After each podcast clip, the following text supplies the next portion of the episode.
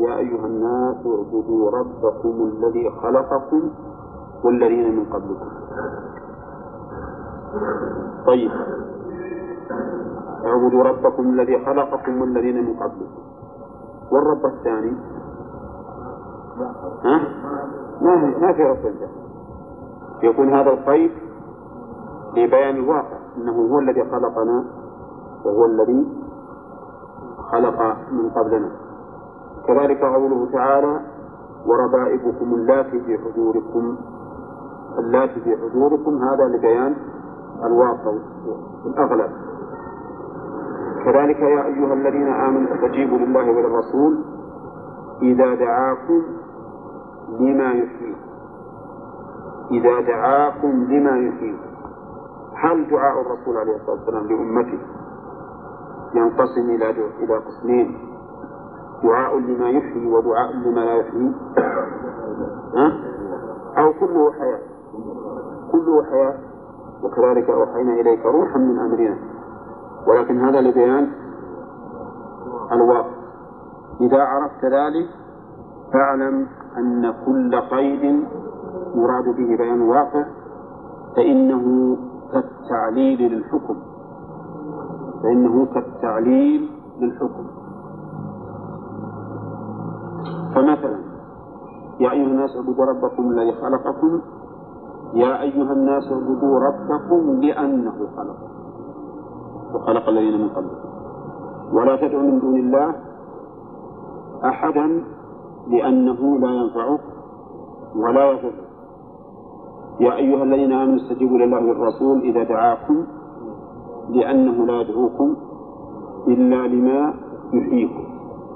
فهذه فائدة أيضا فيما إذا كان القيد يراد به بيان الواقع أن هذا القيد يكون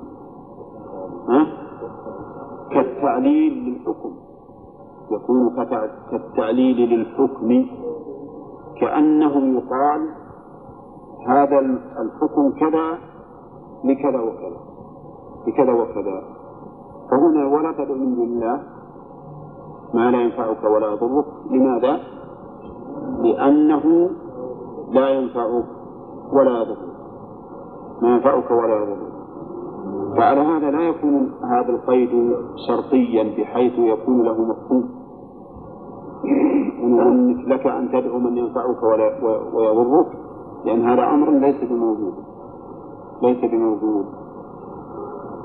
قال فإن فعلت فإنك إذا من الظالمين الله الله يقول للرسول إن فعلت. معنى فعلت؟ دعوت من دون الله ما نفعك ولا يضرك فإنك إذا أي حال فعلك من الظالمين. شوف الآيات. الله العظيم إن فعلت فإنك. إن أظن الشرطية ولا نافية؟ وجواب الشرط فإنك الجملة وقوله إذا هذا قيل لأن إذا للظرف. أي ظرف إيه لكن أي ماضي ولا حاضر ولا مستقبل؟ حاضر. حاضر. يعني فإنك حين فعله من الظالمين. ولكن قد تتوب منه فيزول عنك وصف الظلم فالإنسان قبل فعل المعصية ليس بظالم. وبعد فعل المعصية إذا تاب عنها يزول عنه وصف الظلم. لكنه حين فعل المعصية يكون ظالما. ولهذا قال النبي عليه الصلاة والسلام لا يزني الزاني حين يزني وهو مؤمن. فقيد ذلك انتفاع لمن عنه متى؟ حال الفعل حال الفعل طيب. فإن فعلت فإنك إذا من الظالمين. ما نوع هذا الظلم؟ الشرك. هذا ظلم شرك. قال الله تعالى إن الشرك لظلم عظيم. ولم يقل الله تعالى إنك من المشركين.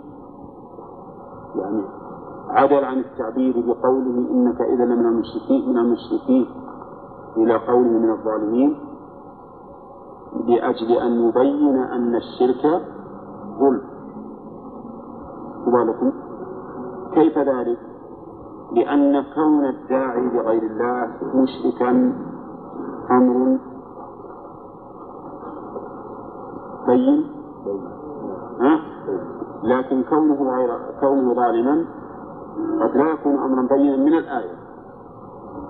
فلو قال فإنك إذا من المشركين. صار المعنى إن الله أخبر بأن الذي يدعو من الله مشرك. وهذا مفهوم من الحكم من الأول. لكن إذا قال من الظالمين معناه أنه سجل على هذا الشرك بأنه ظلم. بأنه ظلم. ثم قال تعالى وإن نعم. إيه لكن إذا إذا إذا ذكر في مقام الشرك فهو شرك. فيبين أنه ظلم. كما قال الله تعالى يا بني لا تشرك بالله إن الشرك لظلم عظيم. نعم.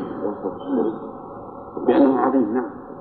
وصفه عظيم هنا ما دام ما دام السياق في الشرك هو ظلم الشرك اللي هو الظلم العظيم. شيخ نعم. على حسب حال الداعي شرك أصغر ويكون شرك أكبر. ما يصير الدعاء شرك أكبر.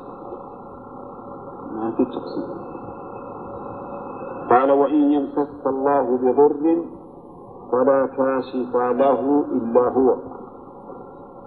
يمسسك الله بضر. يمسسك بمعنى يصب بضر. كالمرض والفقر ونحو ذلك. فلا كاشف له إلا هو. لا نافية للجنس واسمها كاشف. وخبرها له هو بدل وإذا قلنا بجواز أن يكون خبرها معرفة صار صار خبرها هو. يعني ما أحد يكشفه أبدا إذا مسك الله بضر إلا الله. وهذا كقول النبي صلى الله عليه وسلم واعلم أن الأمة لو اجتمعوا على أن ينفعوك بشيء لم ينفعوك إلا بشيء قد كتبه الله لك. وإن يردك بخير فلا راد لفضله. إن يردك بخير. وهنا قال يرد. وفي الضرر قال يمسس فهل هذا من باب التفنن في العبارة كما يقولون إن من فصاحة الكلام إنه ما يردد الألفاظ التي بمعنى واحد أو نقول إن هناك فرق إن هناك فرقا معنويا ما هو؟ ما الفرق المعنوي؟ لأن الإنسان غير نعم في الشيء غير إرادة الخير هذا ينصب نعم لأن الشر ينصب مم. الخير يراد له إيه. أنت أحكمت ولكن ما وقع ما وقع نعم مثل الخير مم.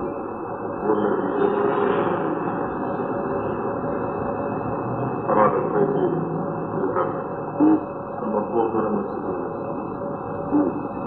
والإنسان هو الدور الذي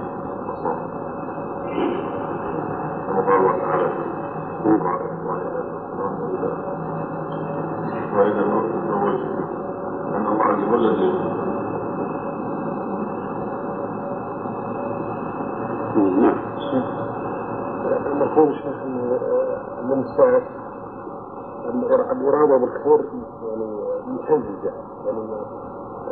كان يعني أبلغ من وإن الله أرحم. من أن يعني يجعل الشر. ينتهي بالإنسان أما الخير فهو في فرق بين العبارات. فهو وين الجواب الشر؟ ها؟ وين خبر المنكر؟ فرق يعني بين عبارته كما قلت. ما ما فرق نعم. الضرر يطلب رفعه بعد نعم بعد يقع. والآية في سياق مادة الثانية بأن الله ينفع العبد. فالضر يرفع بعد أن يقع.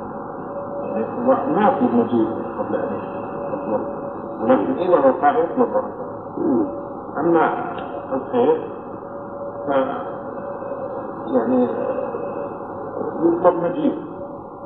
فإذا جاء الجزء لا أحد يستطيع أحد.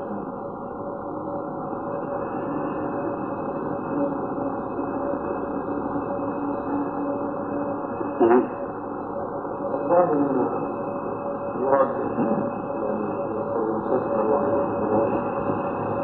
يعني يراد الأدنى شيء من الضرر. الإنسان طيب. وأما لا أنا قصدي لماذا عبر عن الضر بالمس وعن الخير بالإرادة؟ وهذا عبر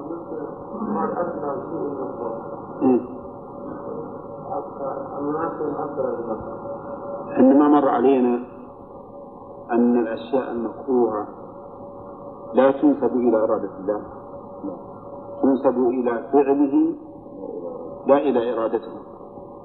وأنا لا ندري أشر أريد بمن في الأرض أم أم أراد بهم ربهم رشدا فالمس من فعل الله. والضر الذي مس الإنسان من مفعولاته. والضر من مفعولاته. فلا يريد فلا يريد سبحانه وتعالى الضرر. ولا يريد الضرر. بمعنى أنه إذا أصاب الإنسان بضر لا يريد الضرر. لكن يريد ما وراء ذلك من الحكم البالغة إن من عبادي من لو رميته لأفسده الغنى أما الخير فهو مراد لله ومفعول له. فهو مراد لله ومفعول له. عندنا فرق الآن؟ اتضح ولا لا أنا أزيد إيضاحا إن شاء الله. أقول إن إن الضرر لا يكون مرادا لله بمعنى أن الله لم يرد أن يضر عباده ولو حصل من تدبيره ضرر لماذا؟ لأن هذا الضرر الذي حصل وش يراد به؟ يراد ما وراءه من الحكم البالغة التي هي خير ومحل ثناء على الله عز وجل أما الخير فهو مراد لذاته الخير مراد لذاته فلهذا قال وإن يردك بخير. أما الضرر فلا يراد لذاته بالنسبة لله عز وجل.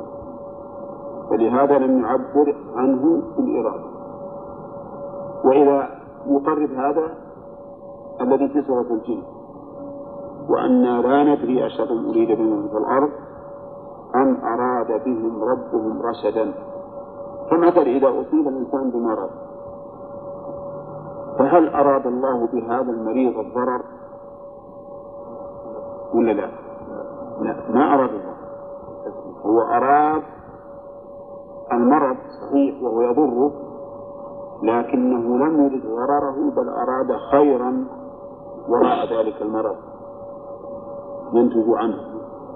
وحكمة بالغة قد تكون الحكمة ظاهرة في نفس المصاب وقد تكون الحكمة ظاهرة في غيره أيضا.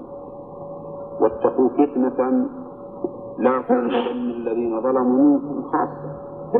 واعلموا أن الله شديد العقاب. فالمهم أننا ما لنا أن نتحجر حكمة الله لأنها أوسع من عقولنا لكننا نعلم علم اليقين أن الله تعالى لا يريد الضرر لأنه ضرر. فالضرر عند الله ليس مرادا لذاته. بل مراد لغيره ولا يترتب عليه إلا الخير. أما الخير فهو؟ مراد لذاته مراد لذاته والله أعلم بما أراد في كلامه لكن هذا الذي يتبين به. قال وإن يردك بخير فلا راد لفضله. فلا راد لفضله. ما حد يستطيع أن يرد فضل الله أبدا. لو تجتمع الأمة كلها على أن يردوا فضل الله ما استطاعوا أن يردوه أبدا. هذا شيء مستحيل. اللهم لا مانع لما أعطيت ولا معطي لما منعت. وفضل الله عز وجل لا أحد يستطيع أن يرده وإذا آمنا بهذا الإيمان فمعنى ذلك أننا نعتمد على من؟ على الله وحده.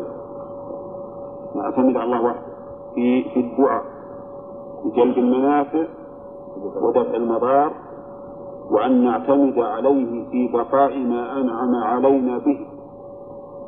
وأن نعلم أن الأمة مهما بلغت من الكيد والمكر والحيل لتمنع فضل الله فإنها لا تستطيع أن تمنعه ولهذا قال وإن يرك بخير فلا راد لفضله.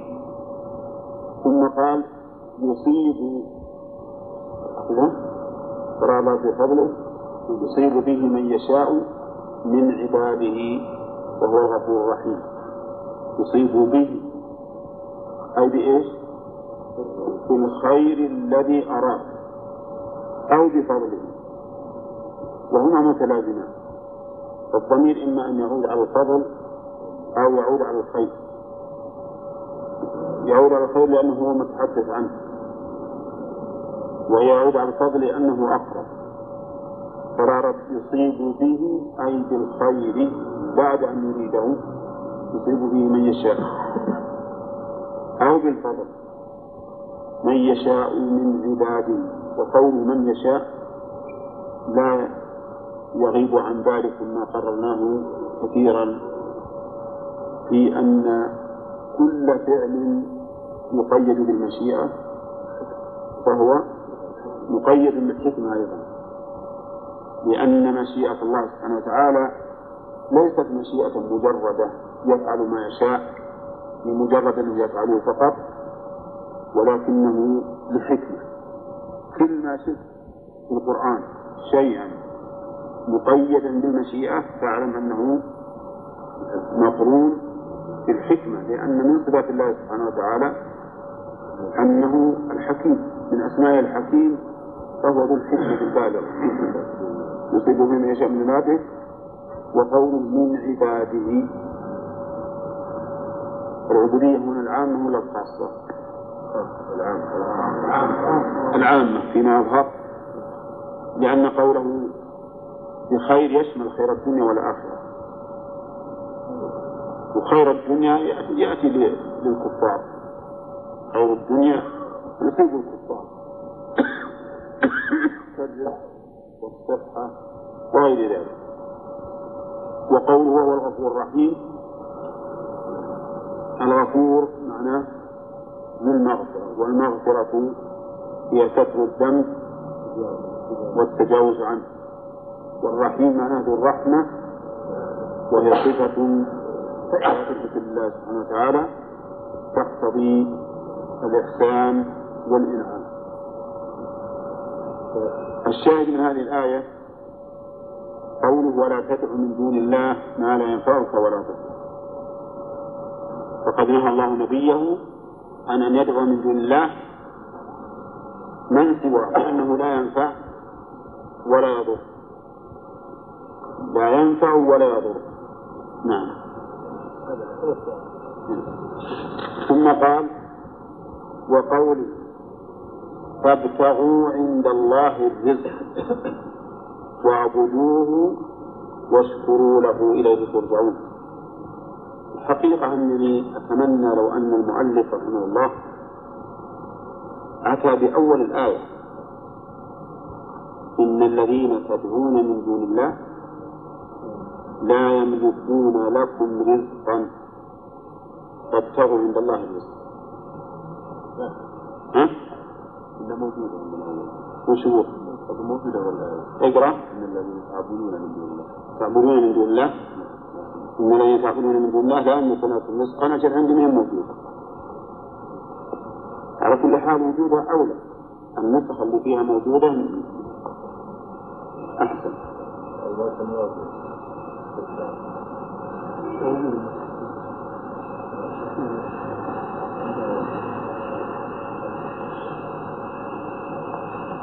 الذين تعبدون من دون الله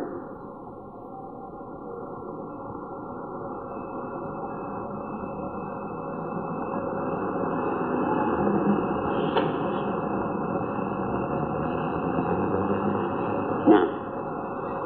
إن الذين تعبدون من دون الله لا يملكون لكم رزقا.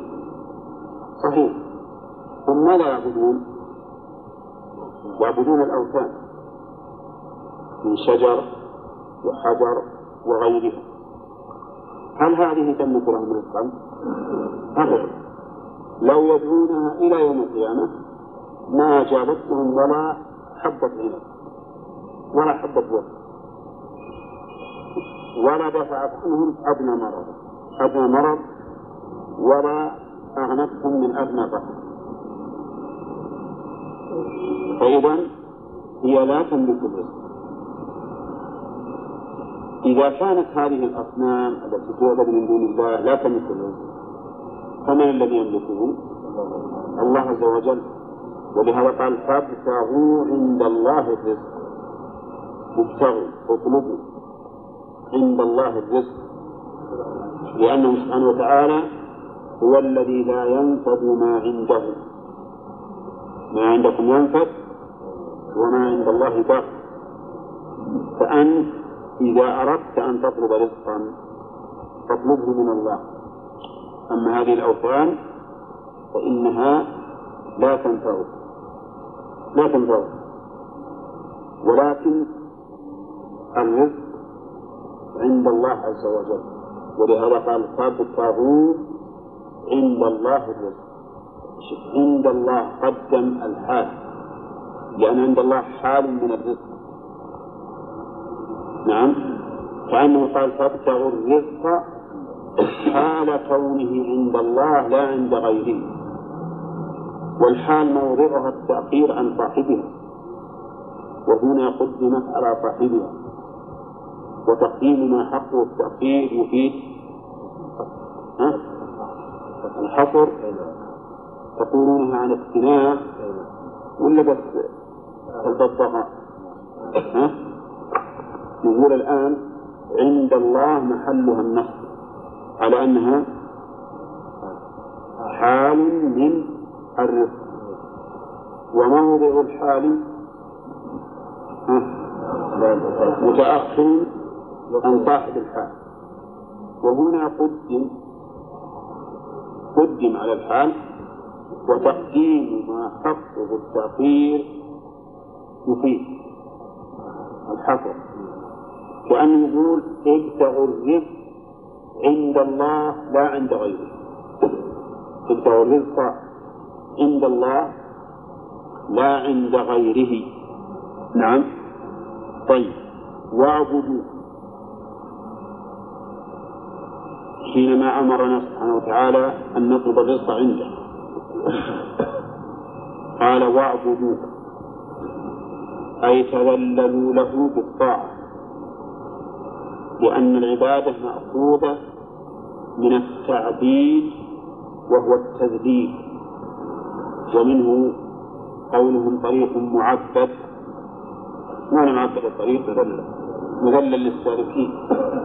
قد أزيل عن الأحجار والأشجار المؤذية وغير ذلك. أي تذللوا له بالطاعة لأنكم إذا تذللتم له بالطاعة فهو من أسباب الرزق فهو من أسباب الرزق. قال الله تعالى ومن يتق الله يجعل له مخرجا ويرزقه من حيث لا يحتسب فأمر بأن نطلب الرزق عنده ثم عاقبه بقوله واعبدوه. إشارة إلى أن تحقيق العبادة من طلب الرزق لأن العابد ما دام أنه يؤمن بأن من يتق الله يجعل له مخرجا ويرزقه من حيث لا يحتسب عبادته تتضمن الطلب بلسان الحال لإيش؟ للرزق. نعم. واشكروا له إليه. نعم. ترجعون واشكروا له. إذا أضاف الشكر إذا أضاف الله الشكر له فإنه يتعدى بالله. قول. كذا؟ هل تكون آية من القرآن؟ صار الشكر فيها شكر الله معدا بدون الله؟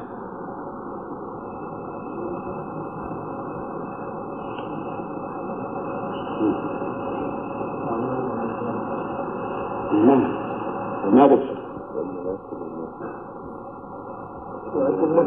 لله ها؟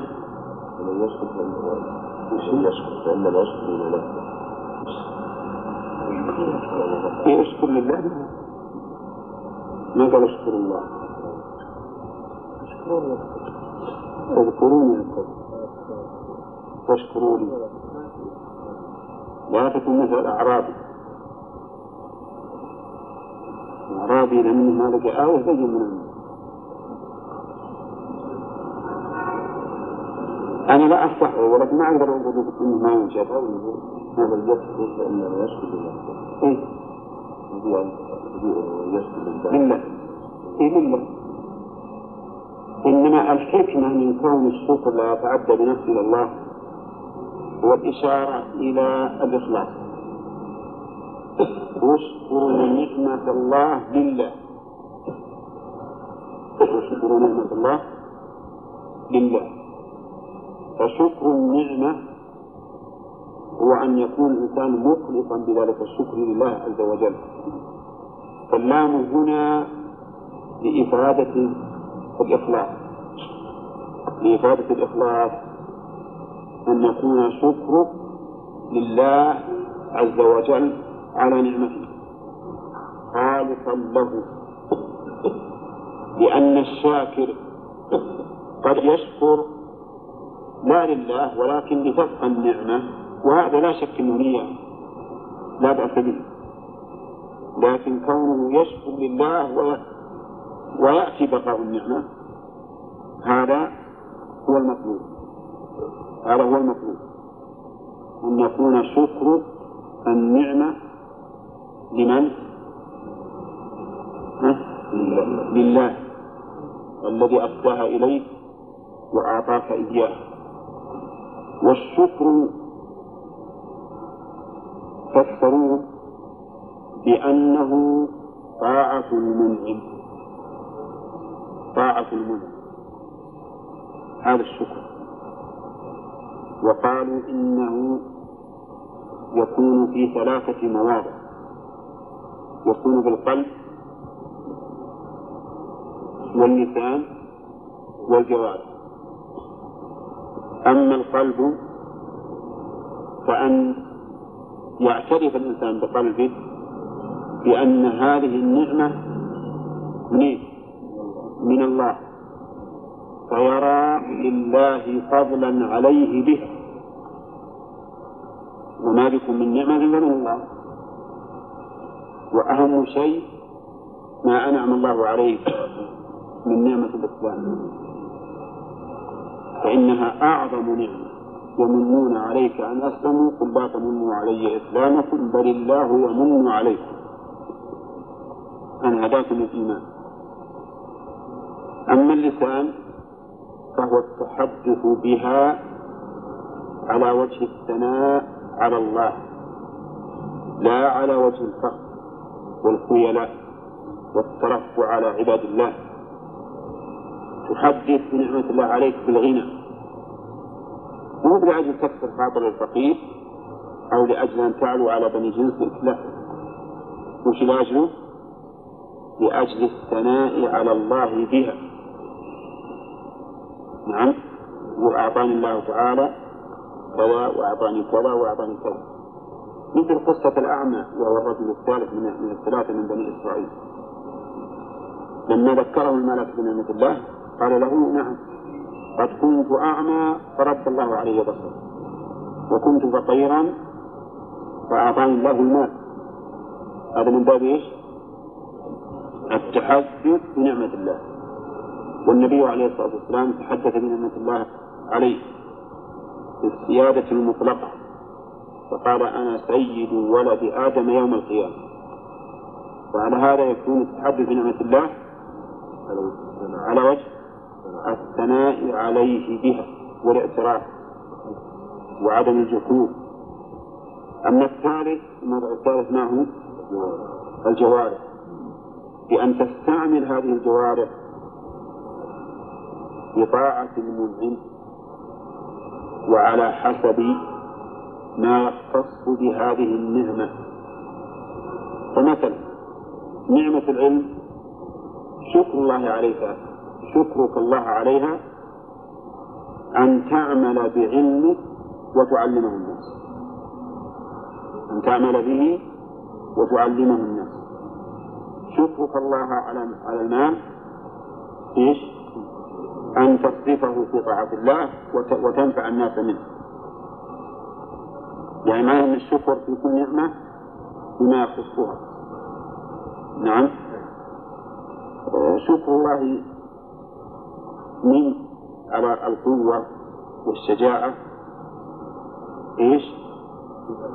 أن تجاهد في سبيل الله فلكل نعمة شكر يخصها يعني بمعنى يكون أخص ولا جميع الطاعات تدخل في شكر النعمة شكر نعمة الله عليك في الطعام مثلا أن تستعمله فيما أنعم الله به عليك من أجله في تغذية البدن. أما أنت تبي تبني مثلا من تبني من العجين قصر يصلح ها؟ لا هذه ما خلقت لهذا الشيء. نعم. فالمهم إن, إن الإنسان يستعمل الشكر آه، في كل موضع بما يناسبه. هذا بالنسبة لأعمال الجوارح. واعبدوه والسرور إليه ترجعون. إليه جار مجرور متعلق بإيش؟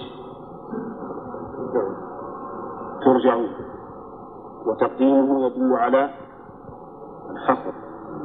يعني أن رجوعنا إلى الله عز وجل وهو الذي سيحاسبنا على ما حملنا إياه من الأمر بالعبادة والأمر بالشكر. وطلب, الرزق منه الشاهد من هذه الآية قوله والذين تعبدون من دون الله لا يملكون لكم رزقا فابتغوا عند الله الرزق.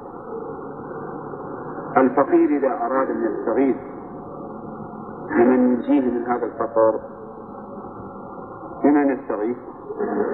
بالله عز وجل. هو الذي يوصل الشكر وفي الآية هنا إشكال مع قوله تعالى فارزقوهم منه فارزقوهم منه وهو يقول هنا سبحانه وتعالى فابتغوا عند الله الرزق الآفة هي طلب الغوث وأنها تكون بالله وتكون بغير الله. أما الاستغاثة بالله فهي من أقسام التوحيد والعبادة والاستغاثة بغيره تنقسم إلى قسمين. أحدهما أن يكون فيما يقدر عليه المستغاث به. فهذه جائزة. والثانية فيما لا يقدر عليه المستغاث به فهذه غير جائزة وهي نوع من الشرك. وقد تصل إلى حد الشرك الأكبر. وبينا فيما سبق دليل الجائزة من هذا القسم. وتقدم الكلام على بعض الآيات التي ساقها المؤلف وهي قوله تعالى ولا تدع من دون الله ما لا ينفعك ولا يضرك وبينا أن هذا القيد ما لا ينفعك ولا يضرك. ها؟ ببيان الواقع وأنه ليس له مفهوم وهو كقوله ومن يدعو مع الله إلها آخر لا برهان له به فإنما حسابه عند ربه. فليس المعنى أن هناك إله آخر يدعى وله برهان. وبينا أن الفائدة من ذكر مثل هذه الصفة التي يسميها بعض الناس صفة كاشفة أن الفائدة من ذلك هو أنها كالتعليل بالحكم المقرونة به. وبينا أنه إذا كان هذا في حق الرسول صلى الله عليه وسلم وأنه يوصف بالظلم إذا فعل ذلك فغيره من باب أولى. وبينا أيضا أن المعلق لا يستلزم الوقوع المعلق عليه. وهو قوله فإن فعلت فإنك إذا من الظالمين. وليس معنى ذلك أنه من الأمر الممكن. فقد يعلق الشيء على أمر غير مستحيل غاية الاستحالة لو كان فيهما آلهة إلا الله لفسدتا قل إن كان للرحمن ولد وأنا أول العابدين. وكل هذا أمر لا يمكن وبينا فيما سبق وجه استدلال المؤلف في هذه الآية وقوله وإن يمسسك بضر فلا كاشف له إلا وأنه إذا كان لا يكشف الضر إلا إلا الله سبحانه وتعالى فإنه ليس من الحكمة ولا من العقل أن يتوجه الإنسان إلى؟ إلى غير الله وبينا أيضا معنى قوله تعالى والذين تعبدون من دونه لا يملكون لكم رزقا فابتغوا عند الله الرزق. وأنها تدل على أنه إذا كانوا لا يملكون لنا الرزق فكيف نستغيث بهم؟ ثم قال المؤلف وقوله ومن أضل ممن يدعو من دون الله من لا يستجيب له إلى إلى يوم القيامة. من اسم استفهام وهي مبتدأ وأضل خبر مبتدأ. ومعلوم أن ما أن الاستفهام هنا يراد به النفي أي لا أحد أضل. وأضل اسم تفصيل. لا أحد أضل من هذا. والضلال هو أن يتيه الإنسان عن الطريق الصحيح. هذا الضلال. أن يتيه عن عن الطريق الصحيح. وقول من أضل ممن يدعو مر علينا أنه إذا صيغ الاستفهام ليراد به النفي أنه أبلغ من النفي المجرد. لماذا؟ أن النفي الذي يراد بالاستفهام أبلغ من النفي المجرد. لماذا؟ لأنه يحوله من استفهام من نفي إلى تحدي. لأنه يحوله إلى تحدي. فمن أضل كأنه يتحدى. يعني دور لي أحد أضل مما يدعو من دون الله. أعطيت بالكم فالاستفهام الذي بمعنى النفي متضمن لأي شيء؟ للتحدي. وهو أبلغ من قوله لا أضل ممن يدعو أبلغ. لأن ذلك نفي لأن هذا نفي مجرد. وذاك نفي مشرب أو متضمن. إيش؟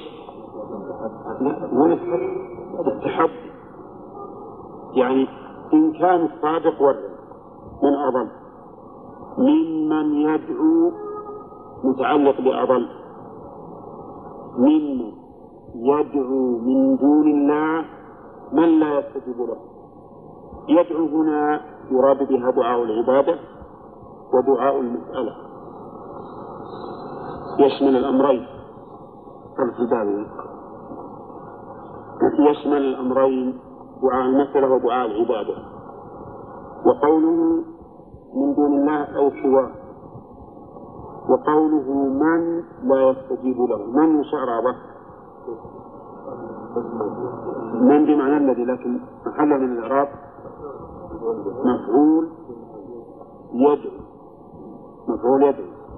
يدعو من لا يستجيب له إلى يوم القيامة. يعني إلى يوم القيامة ما يستجيب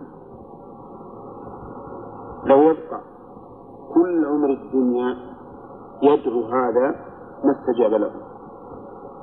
قال الله تعالى في آية أخرى إن تدعوهم لا يسمعوا دعاءكم ولو سمعوا ما استجابوا لكم ويوم القيامة يكفرون بشرككم. من هو عنه الخبر هذا؟ ولا ينبئك مثل خبير. ولا ينبئك مثل خبير يعني نفسه سبحانه وتعالى. طيب الآن من لا يستجيب له إلى يوم القيامة وهم عن دعائهم غافلون.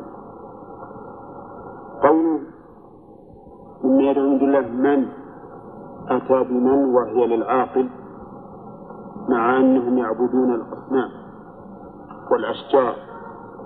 والأحجار والأموات نعم. وهي عاقلة ولا لا؟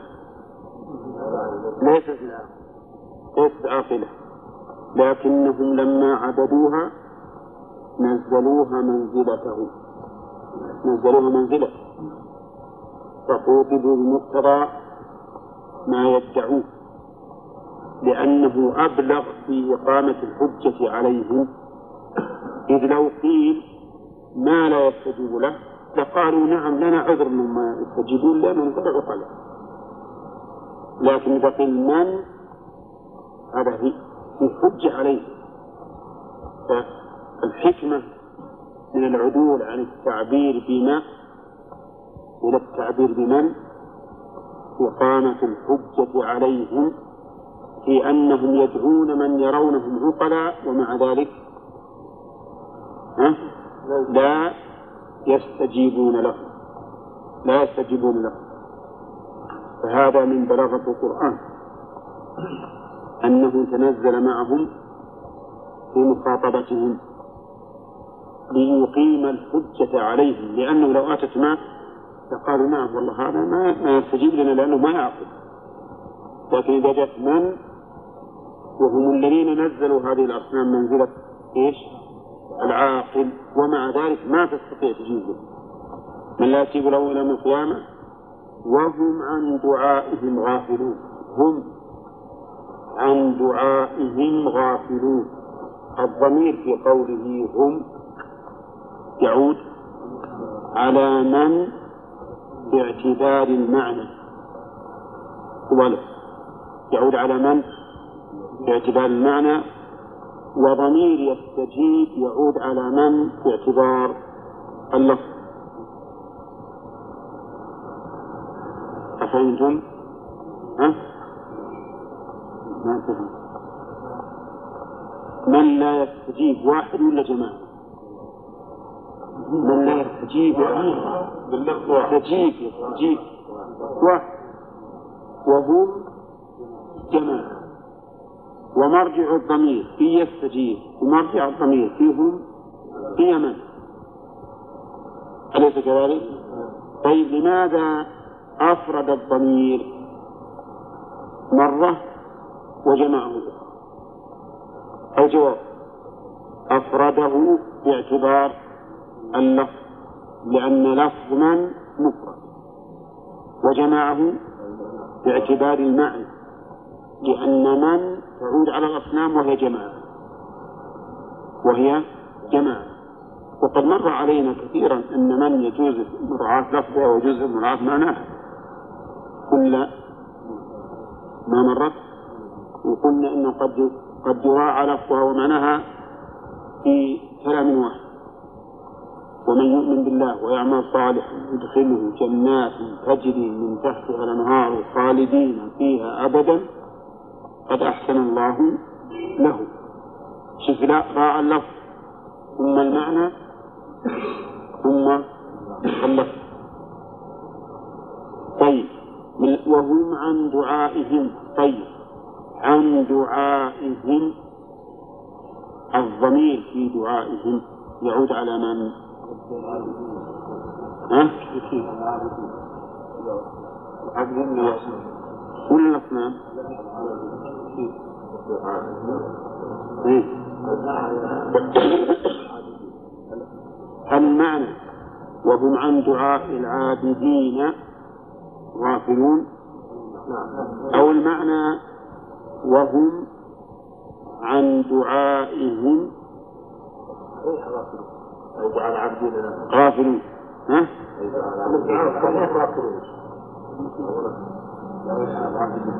تأملوا فيها من لا يستجيب له إلى يوم القيامة. وهم عن دعائهم غافلون. هل المعنى عن دعاء الغافلين إياهم فيكون على هذا من باب إضافة المصدر إلى مفعوله. من باب إضافة المصدر إلى مفعوله. يعني عن دعاء عن دعاء العابدين إياهم وهم أي الأصنام كذا عن دعائهم أي دعاء الداعين إياه فيكون من باب إضافة المصدر إلى مفعول أو عن المعنى وهم عن دعاء عن دعاء العابدين لهم. يكون مفعول دعاء محذوف ويكون دعاء هنا مضافا إلى فاعله مضافا إلى فاعله. نعم. ها؟ كل المعنيين صحيح هو جائز كلا المعنيين يجوز هذا وهذا. لكن أيهما أبلغ أن يكون عن دعائهم؟ يعني إذا دعوا هم غافلون. ها؟ هذا هذا بالحقيقة أبلغ. يعني عن دعاء العابدين إياهم أبلغ من عن دعاء العابدين على سبيل الإطلاق. لأنك عن دعائهم عن دعائهم من؟ لازم تقدر المدعو محذوف فإذا قلت عن دعائهم أي عن دعاء العابدين إياهم وجعلت الضمير هنا يعود على المدعو صار المعنى أن هذه الأصنام غافلة عن دعوة هؤلاء له إياه يكون هذا أبلغ في أن هذه الأصنام لا تفيدهم شيئا. هم عن دعائهم غافلون. هذا في الدنيا. غافلون ما ما يمكن أن يستجيبوا لهم. فإن كانوا من من الكفار المغلوب فيهم فهم والعياذ بالله غافلون في عذاب وإلا فهم غافلون في نعيم. إذا حشر الناس قال الله تعالى وإذا حشر الناس متى؟ يوم القيامة. كانوا لهم أعداء.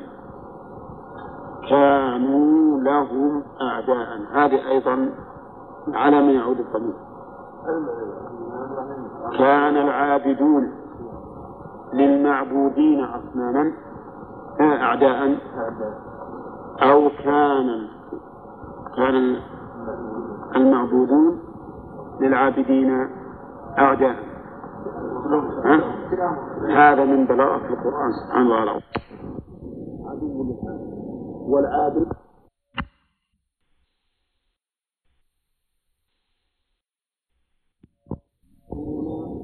بعبادة هؤلاء له وانظروا حتى الملائكة يقولون سبحانك ما كان ينبغي لنا أن نتخذ من دونك من أولياء ولكن متعتهم وآباءهم حتى نسوا الذكر وكانوا قوما بورا الشاهد من هذه الآية قوله الشاهد ترجمة. من لا يستجيب له؟ نعم من لا يستجيب له إلى يوم القيامة. إذا كان من سوى الله لا يستجيب لك إلى يوم القيامة فكيف يليق بك أن تستغيث به؟ دون الله. فبطل بذلك تعلق هؤلاء العابدين بمعبوداتهم. فالذي يأتي إلى البدو في مصر ويقول يا سيد البدوي يا سيد الدسوقي أغثني يا المدد وما أشبه ذلك هل يغني ذلك عنه شيئا؟ أبدا لا يغني عنه شيئا. بل لا يزيده إلا تحسرا والعياذ بالله. وقد يفتن الإنسان فيصادف القدر يصادف القدر حصول مطلوبه عند هذا الشيء لا بهذا الشيء. هذا لا بأس أن صار مذهب الأشاعرة يقول حصل عنده لا به. لماذا؟ لأن نعلم علم اليقين إن دعاء هؤلاء ما ينفع. الله في القرآن يقول ما ما من لا يستجيب له إلى يوم القيامة. في العراق الجيلاني في سوريا ابن عربي وفي جميع مع الأسف الشديد في الأقطار الإسلامية من هذا النوع. قبور أولياء يزعمونهم أولياء يقولون إنها تنفع وأنها تكشف الضر وأنها تجلب النفع. نعم. ومع ذلك لا شك أنها لا تنفع. لو بقوا إلى يوم القيامة ما أجلت حتى إن الحسين بن علي بن أبي طالب بقدرة قادر كان ثلاثة رجال. تجي للعراق يقولون عندك تجي للسوريين يقولون عندنا تأتي للمسلمين يقولون عندنا. فسبحان من جزء الواحد. فهذا من السفه في الواقع سفه في العقول وسفه في الدين. العامة قد لا قد لا يلامون في الواقع لكن الذي يلام من عنده علم من العلماء ومن غير العلماء أيضا ممن وفق بالفطرة السليمة يعني هذا ما يحتاج إلى إلى إلى دراسة. رجل هامد ميت يسكر هو بنفسه يحتاج إلى أن يدعى له. الرسول صلى الله عليه وسلم كان يأتي له المقبرة في المدينة يدعو لهم ولا يدعو منهم؟ يدعو لهم كيف إنك أنت تجي تطلب منه المدد؟ هو المسكين الآن يحتاج إلى إلى عفو الله وإلى مغفرة الله ما يملك نفسه شيئا فالمهم من هذه الآية وأمثالها تدل على سفاهة هؤلاء وأنهم لو اتجهوا إلى الله عز وجل لوجدوا المطلوب. قال وقوله أمن يجيب المضطر إذا دعاه ويكشف السوء ويجعلكم خلفاء الأرض أإله مع الله. أم هنا منقطعة ولا متصلة؟ اللي بيجيب أبطاله في الفرق أم متصلة ولا منقطعة؟ منقطعة ما الفرق بين المنقطع والمتصل؟ منقطعة لا لا نعم والمتصلة متصلة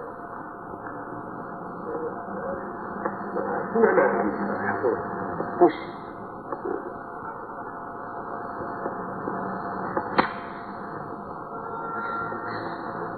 المتصلة بمعنى المتصلة بمعنى أو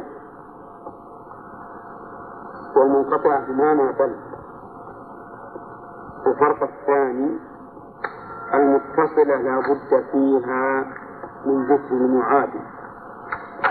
والمنقطعة لا يشترط فيها ذكر المعادل. لا يشترط فيها ذكر المعادل. تقول أعندك زيد أم عمرو؟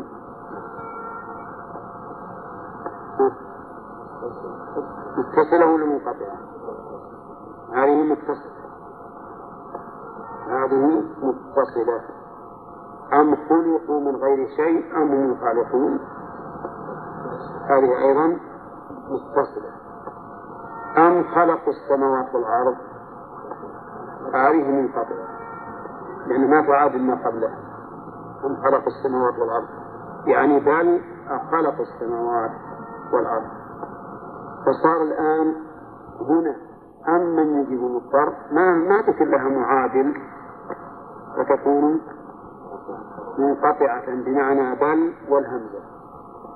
من يجيب المضطر إذا دعاه؟ المضطر أصلها المضطر الذي أصابه الضرر.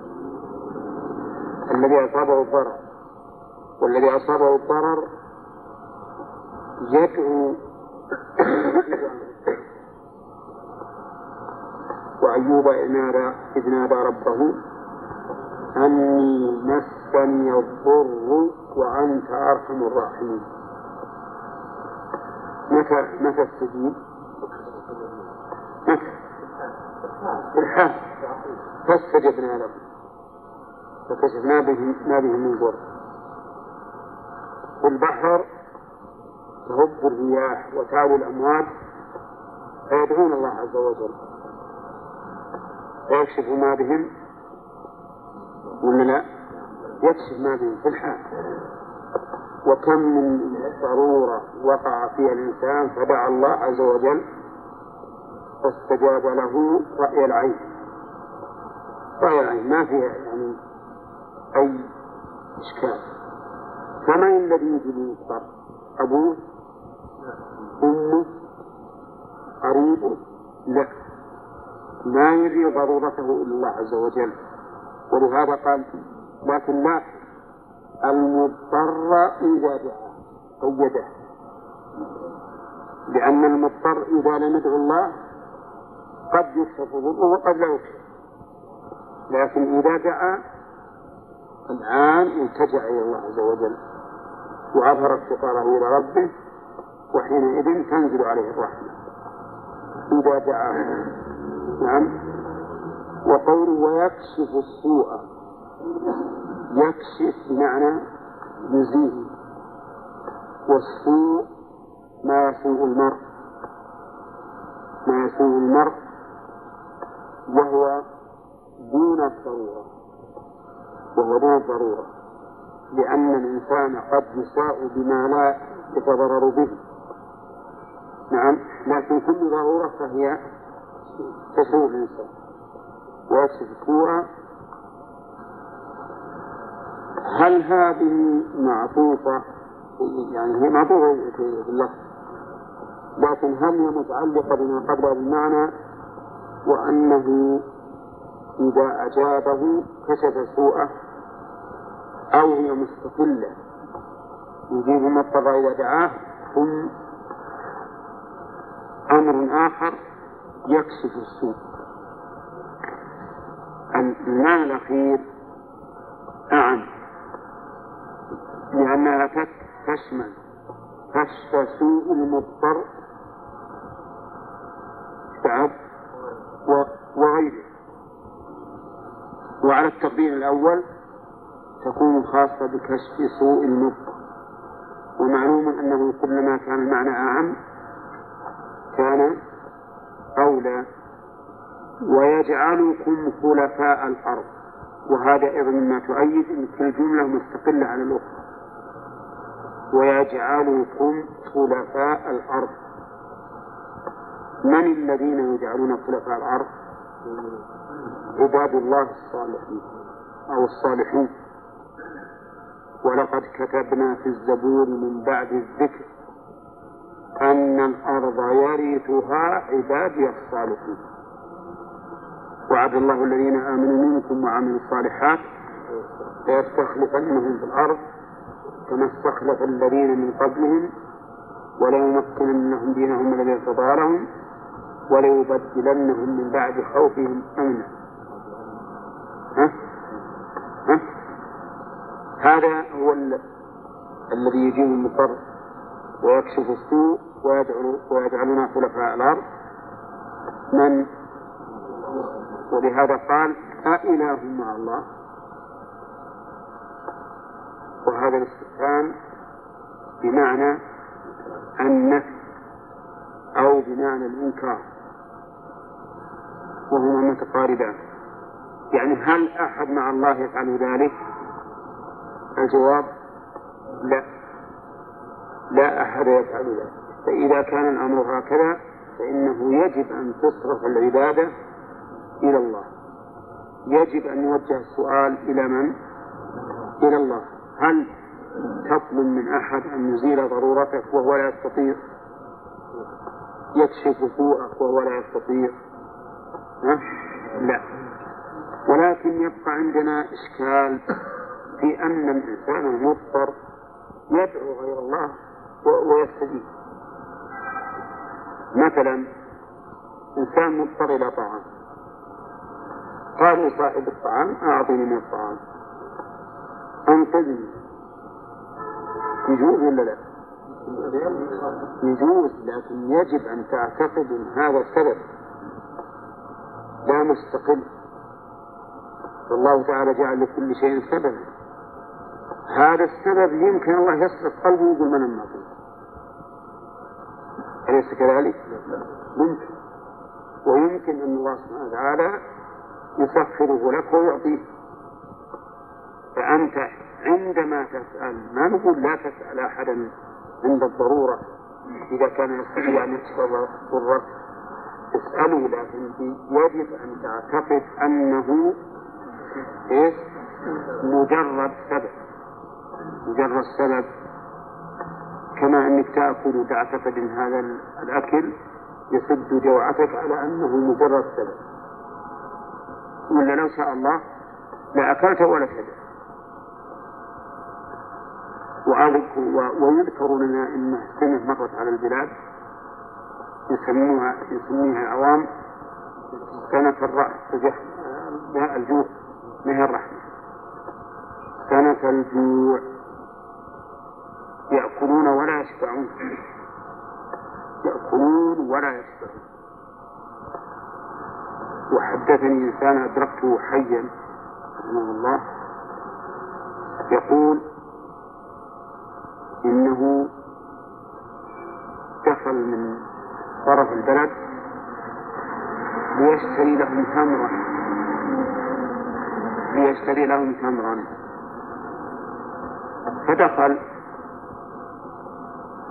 وذهب إلى شخص من الناس وأخذ التمر منه. مو شراء بيجيب من صاحب البستان العملة وصلوه إلى صاحب البستان قالوا روح حط العناب تمر فذهب وجاء إلى صاحب المحل وقال أعطني تمرا فأعطاه التمر أظنكم تعرفون الزنبيل ها؟ زبيلي بس مو على الزبيل الكبير؟ أعطاه إياه وقال اطلع للجماعة.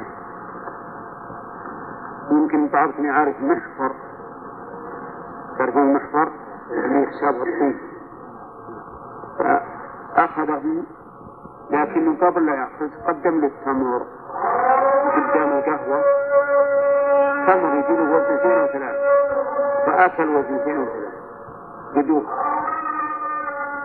ومشى الوزنتين ثلاثة كيلو. أكل وطلع والتمر على رأسه.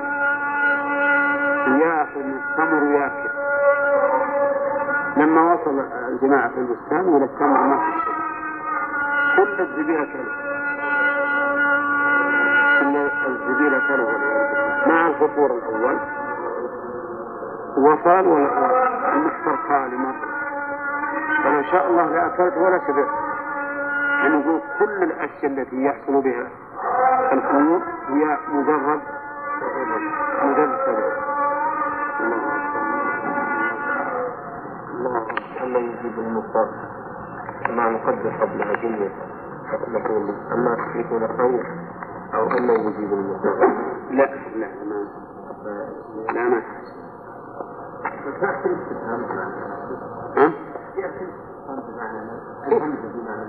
إيه. كل الاستفهام سواء بالهمزة أو بهل يأتي المعنى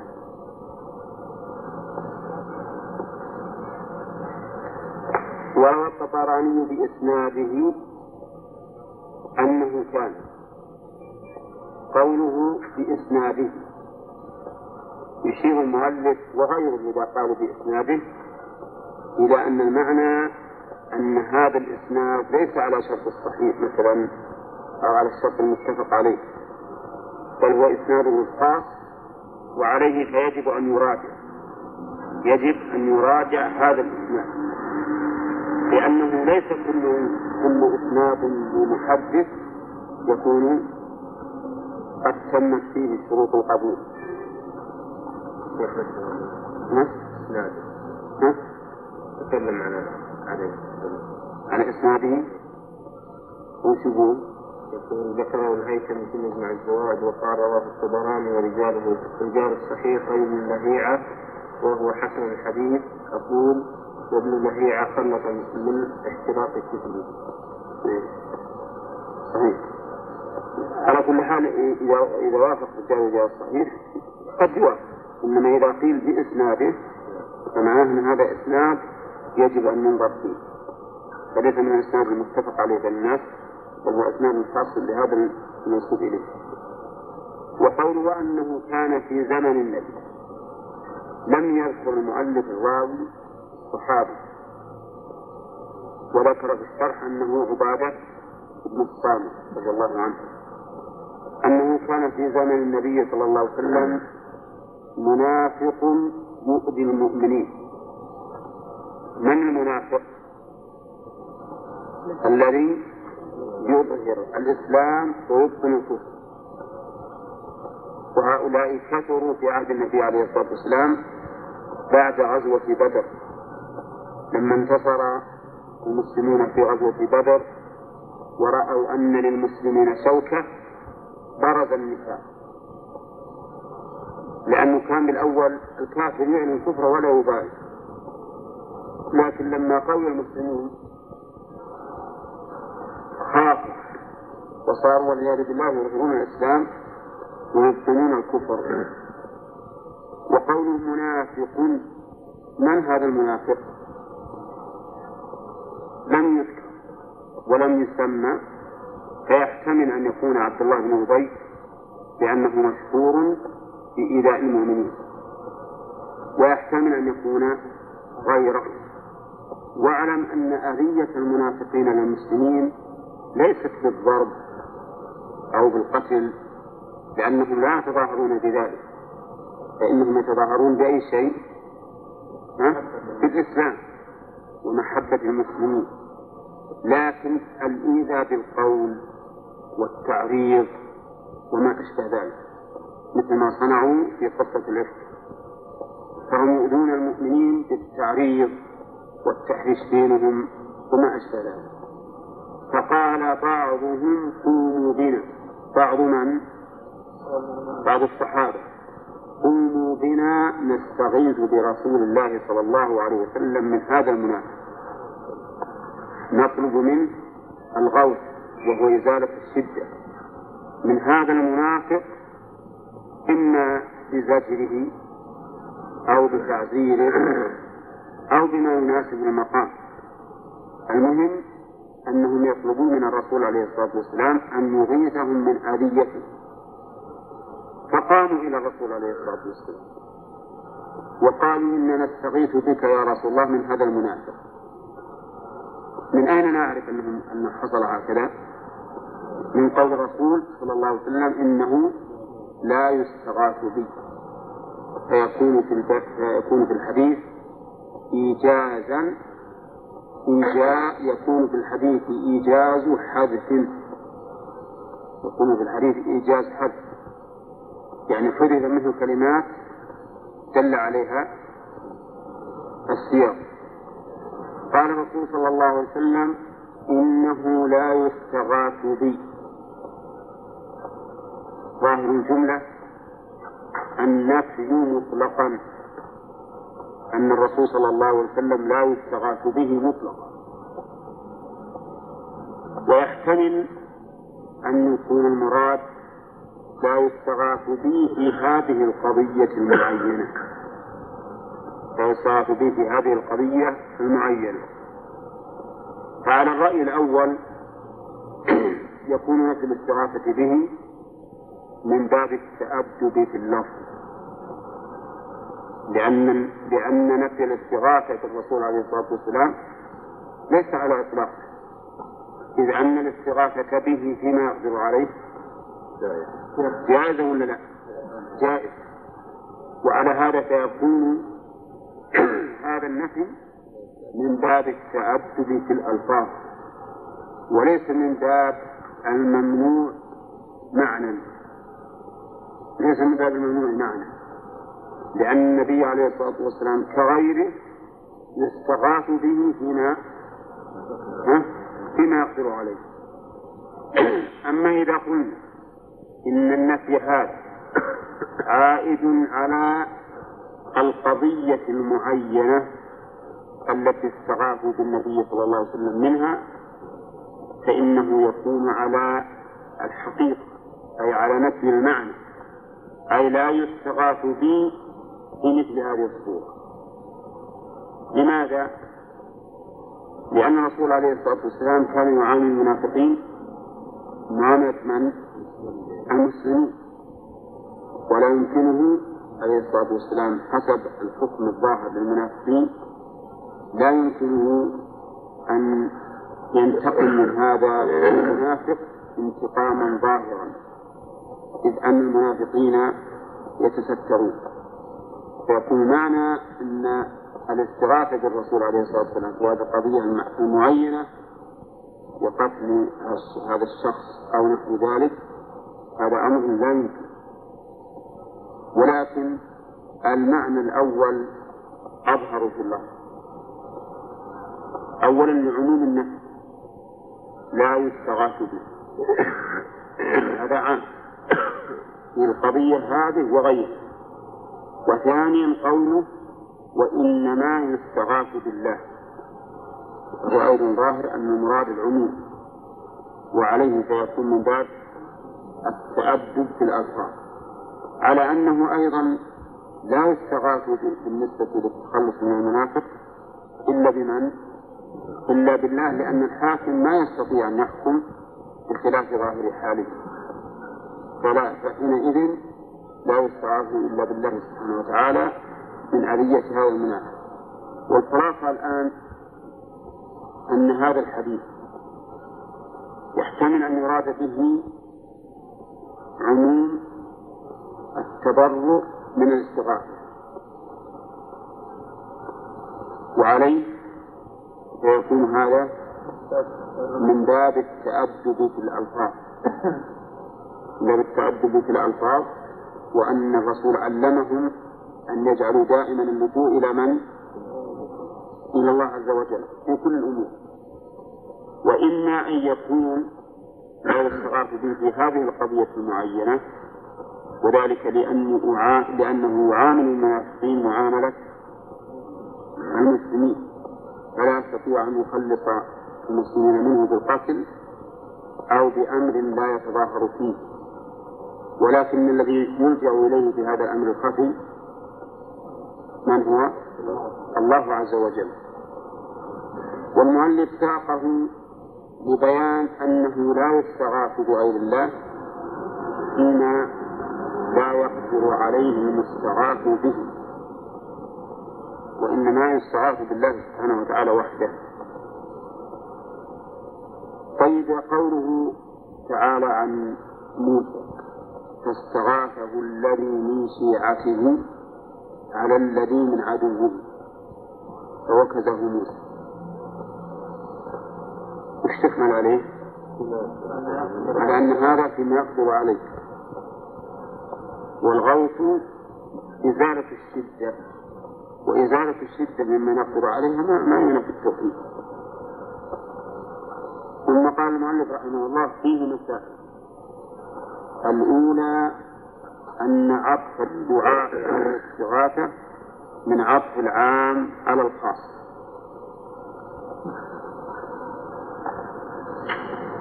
وهذا في الترجمة. عندكم هذا في الترجمة. وش الترجمة حسين؟ ترجمة اللي ترجمة الباب. باب نعم. ويدعو نعم. قوله يستغيث ويدعو الاستغاثة. الاستغاثة نوع من الدعاء ويدعو أعم فهو من باب عطف العام الخاص وهو سائر في اللغة العربية ولا لا؟ وش مثل؟ لا هذا عطف الخاص على العام إيه؟ يا أيها الذين آمنوا اركعوا واسجدوا واعبدوا ربكم. فإن العبادة أعم من الركوع والسجود. والركوع والسجود داخل فيها ولا لا؟ داخل فيها. هذا من باب عطف العام على الخاص. وهو جائز في اللغة العربية وفي كلام في القرآن وفي السنة أيضا. ثانيا تفسير قوله تعالى ولا تدع من دون الله ما لا ينفعك ولا يضرك فإن فعلت فإنك إذا من الظالمين. الخطاب لمن؟ لمن أو للرسول صلى الله عليه وسلم. نعم. لأن اللي قبله الآيات اللي قبلها فإن كنت في شك مما أنزلنا إليك فاسأل الذين يقرؤون الكتاب من قبل. فقد جاءك الحق من ربك فلا تكونن من الممترين لا ولا تكونن من أن يكذب بآيات الله فتكون من الخاسرين لم هي هذه الآية.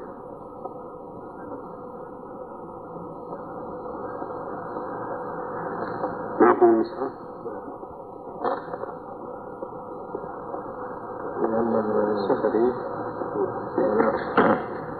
ولا تكون مم.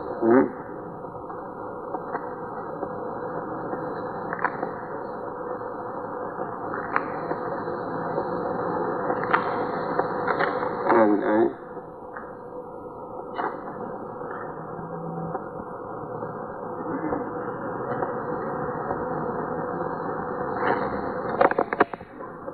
أعبد الذين تعبدون من دون الله ولكن أعبد الله الذي يتوفاكم وأمرت أن أكون من المؤمنين. وأن أقم وجهك للدين حنيفا ولا تكونن من المشركين ولا تدع من دون الله ما لا ينفعك ولا يضرك فإن فعلت فإنك إذا من الظالمين. فالخطاب إذا لمن؟ للرسول صلى الله عليه وسلم خاصة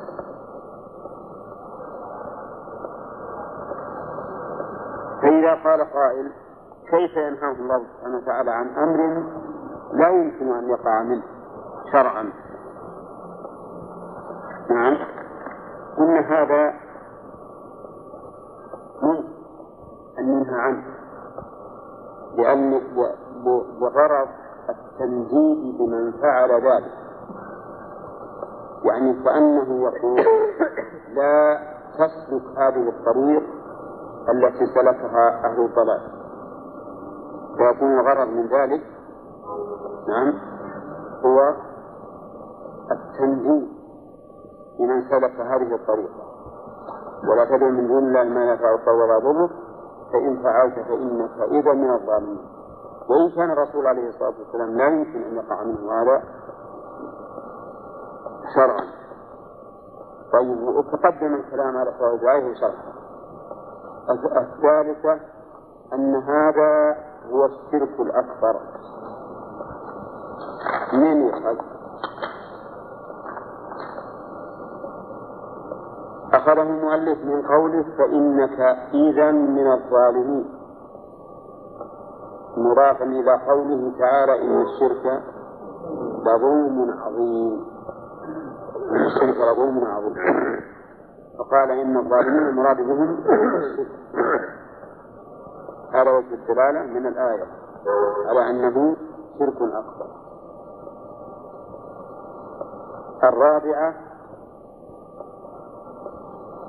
أن إيش؟ أن أصلح الناس لو يفعله إرضاء لغيره إرضاء لغيره صار من الظالمين هذا منين يأخذ؟ من عموم الآية والخطاب للرسول عليه الصلاة والسلام وهو أصلح الناس فإذا فعلته إرضاء لغيرك فإنك من الظالمين. حتى لو أردت الإتيان من مثل إنسان يشرك بدعاء صاحب القبر أو الولي أو ما أشبه ذلك إرضاء له فإنك تكون مشرك. لأنه لا تجوز محاباة الله عز وجل. الخامسة تفسير الآية التي بعدها. وهي؟ وإن يمسك الله بضر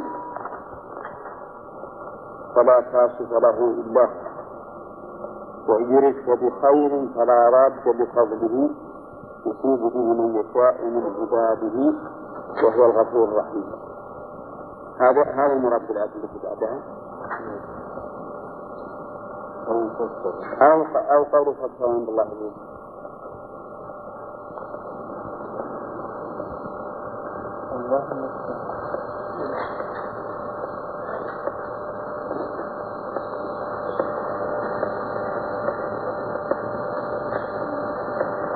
ما في المهم انه الآية اللي بعدها وإن يمسك الله بضر فلا كشف لها الله تفسيرها مناسب من ذلك وإذا كان لا يكشف الضر إلا الله فمن أحق أن يستغاث به؟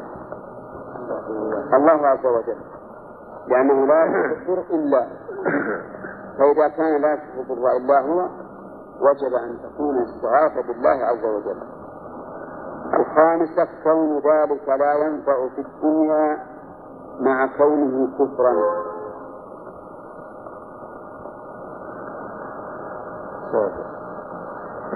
سادسة كون ذلك لا ينفع في الدنيا مع كونه كفرا.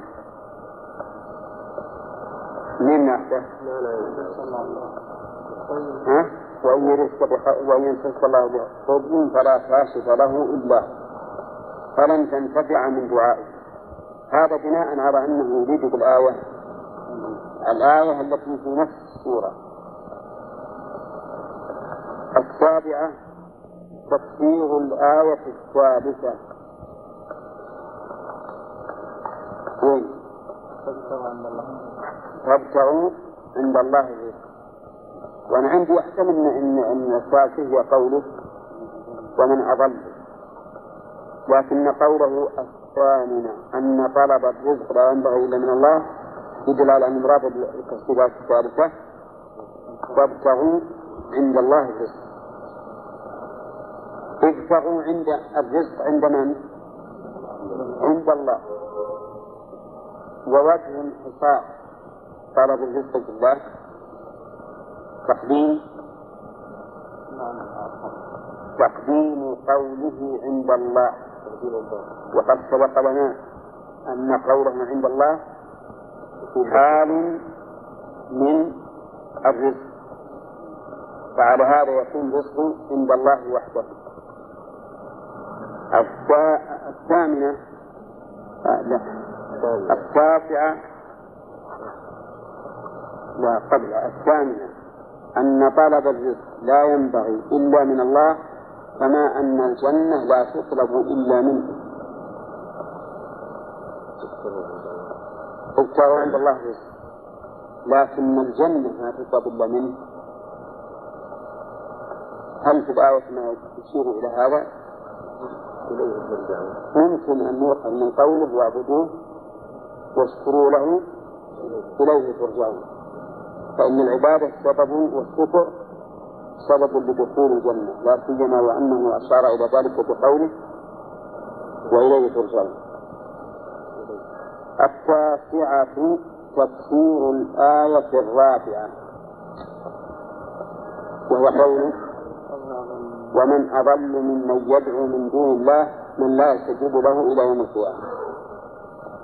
وسبق لنا أن معنى الآية أن أنه لا أحد أعظم من شخص يدعو من دون الله من لا يستجيب له. لو بقي يدعوه إلى يوم القيامة ما استجاب له. وبينا أن قوله من لا يستجيب له يوم القيامة أن هذا القيد بيان للواقع فلا مفهوم له. فلا مفهوم له. الحادية عشرة العاشرة. أنه لا أضل أو لا أحد أضل ممن دعا غير الله. واضح من الآن.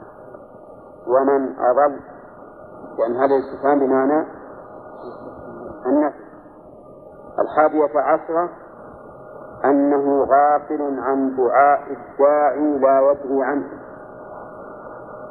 لقوله وهم عن دعائهم غافلون. هم يعود على من؟ المدعوين أو الداعي؟ لا. وهم أي الداعين أو الداعون. عن دعاء الداعين عن دعائهم أو دعاء الداعين. أو عن دعاء الداعين إياه. اللي فيها احتمال هو الضمير الثاني. وهو قوله عن دعائهم. وأما هم الأولى فإنها تعود إلى من؟ إلى المدعوين لا غير. فهذا المدعو غافل. والمراد بالغفلة لازمها وهو عدم الاستجابة. الثانية عشرة أن تلك الدعوة سبب لبغض المدعو للداعي وعداوته له. ها؟ أن تلك الدعوة عبادة لا. أن تلك الدعوة سبب لبعد المدعو للداعي وعداوته له. تؤخذ من قوله؟ وإذا حشر الناس كانوا لهم أعداء وكانوا بعبادتهم كافرين نعم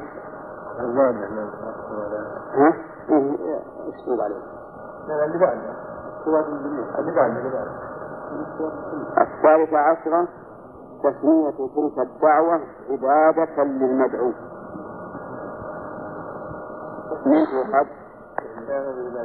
وكانوا بعبادتهم وسمى الله الدعاء عبادة. فالدعاء عبادة فدعاؤهم لهؤلاء هو عبادة لهم في الواقع. ولهذا قال وكانوا بعبادتهم كافرين. الرابعة عشرة كفر المدعو بتلك العبادة. إيش معنى كفره بها؟ أنه إذا كان يوم القيامة تبرأ منها وأنكرها.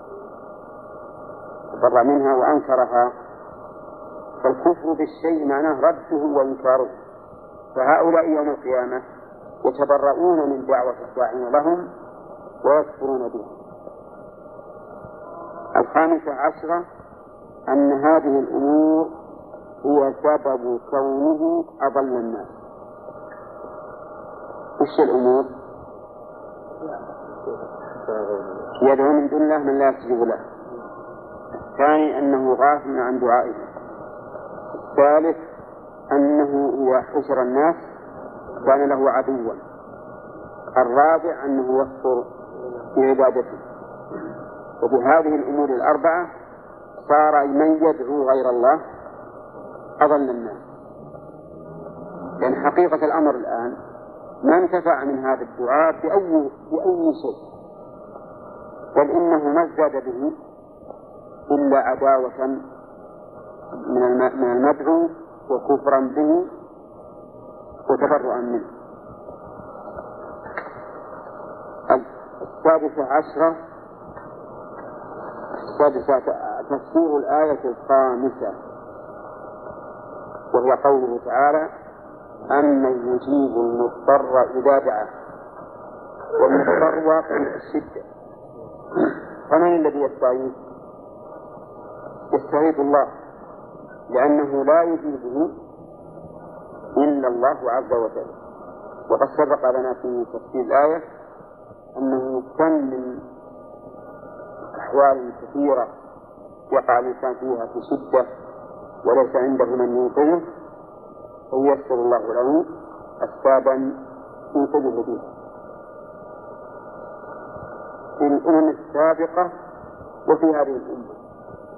فإن موسى وقومه لما وصلوا إلى البحر وكان خلفه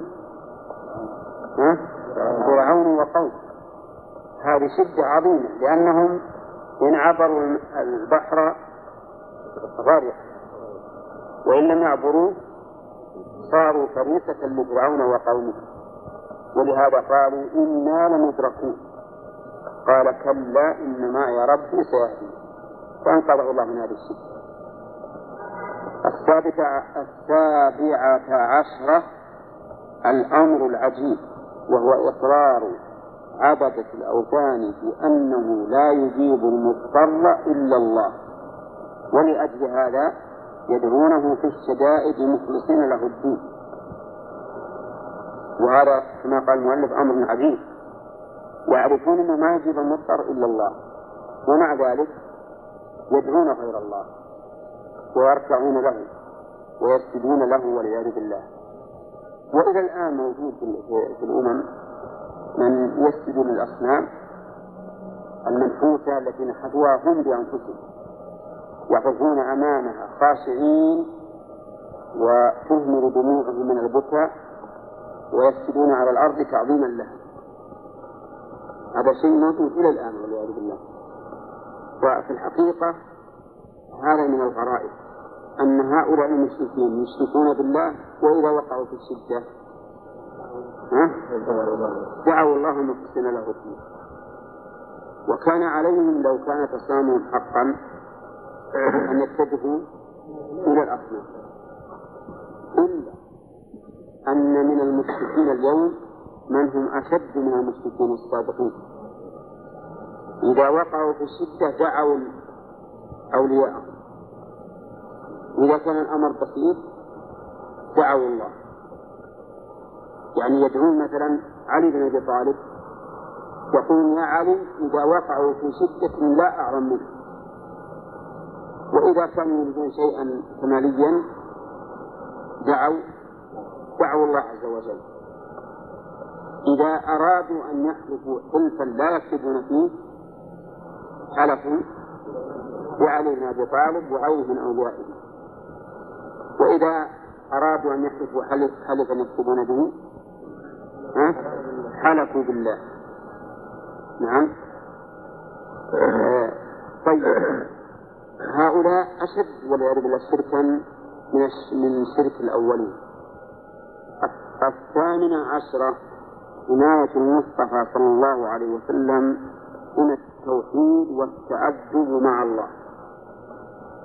المؤلف إذا اختار أن قوله عليه الصلاة والسلام لا يستعاذ به وإنما يستعاذ بالله من باب التأدب بالألفاظ والبعد عن التعلق بغير الله. وأن يكون تعلق الإنسان دائما بالله عز وجل. فهو يعلم الأمة أنهم إذا وقعوا في الشدائد لا يلجؤون إلا إلى الله عز وجل. ولا ينطقون بلفظ الاستغاثة إلا ها؟ إلا بالله سبحانه وتعالى. نعم.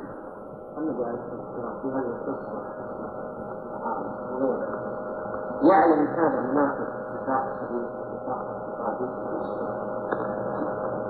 نعم. يعرفه وقد أخبر حذيفة بأسماء أناس معينين. لماذا لا يستنبط من حكم فتح الآن؟ أكثر منافق من أن العمل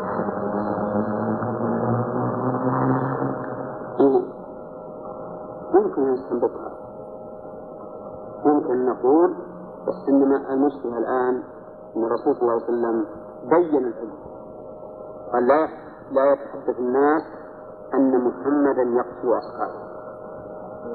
فخشي أن يكون في ذلك تنفير في أن يكون في ذلك تنفير عن الإسلام. يعني إذا تحدث الناس أن محمدا يقتل أصحابه ما دخل الناس في الدين. إذا كانت هذه المسألة ستوجد في الوقت الحاضر يعامل هذا معاملة معاملته يعامل معاملته ثم إن المنافقين في عهد الرسول عليه الصلاة والسلام ما يظهرون النفاق. يتسترون به. لكن من أظهر نفاقه وعلمنا يظهره يبين هذا ما يمكن أن نعامله معاملة المخفي ما أظهروه الرسول لأنهم لما رأوا عبيته حكموا عليه بالنفاق من علامات. من علامات. نعم. مثلا الاستغاثة والاستعانة يعني معناها واحد اللي بين المعنى لا بينهم فرق الاستعاذة أنا الاعتصام الاعتصام بالمستعاذ به وإن كان وإن كان لا أريد أن يعصمني من هذا الشيء المعين والاستغاثة اعتصام به في شيء معين من شيء معين. في شيء معين. والاستعانة طلب العون وإن لم يكن الإنسان في شدة بل حتى في الأمور الكمالية التي لست في ضرورة إلى زوالها أو لست في ضرورة إلى تحصيلها تستعين به. كما قال الرسول عليه الصلاة والسلام تعين الرجل في دابته وتحمله عليها أو ترفع له عليها منفعة والصدقة. نعم. الواسطة؟ هذا الواسطة ليس بين الله وبين عباده وفائه في مسألة الدعاء. لكن في مسألة الشرع نعم. بينه وبين الخلق واسطة وهم الرسل. أما في مسألة الدعاء ما يمكن أن يكون بيننا وبين الله واسطة ولهذا ما يجوز إني أقول مثلا للرسول صلى الله عليه وسلم الآن كن واسطة بيني وبين ربي وكذا وكذا. وأما إذا كان الإنسان حيا وهو ممن ترجى إجابة دعوته فلا بأس أن أطلب منه أن يدعو الله لي.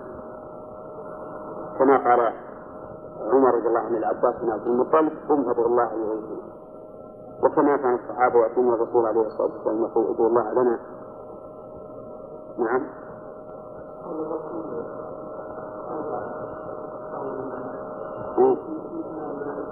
آية المنام نعم.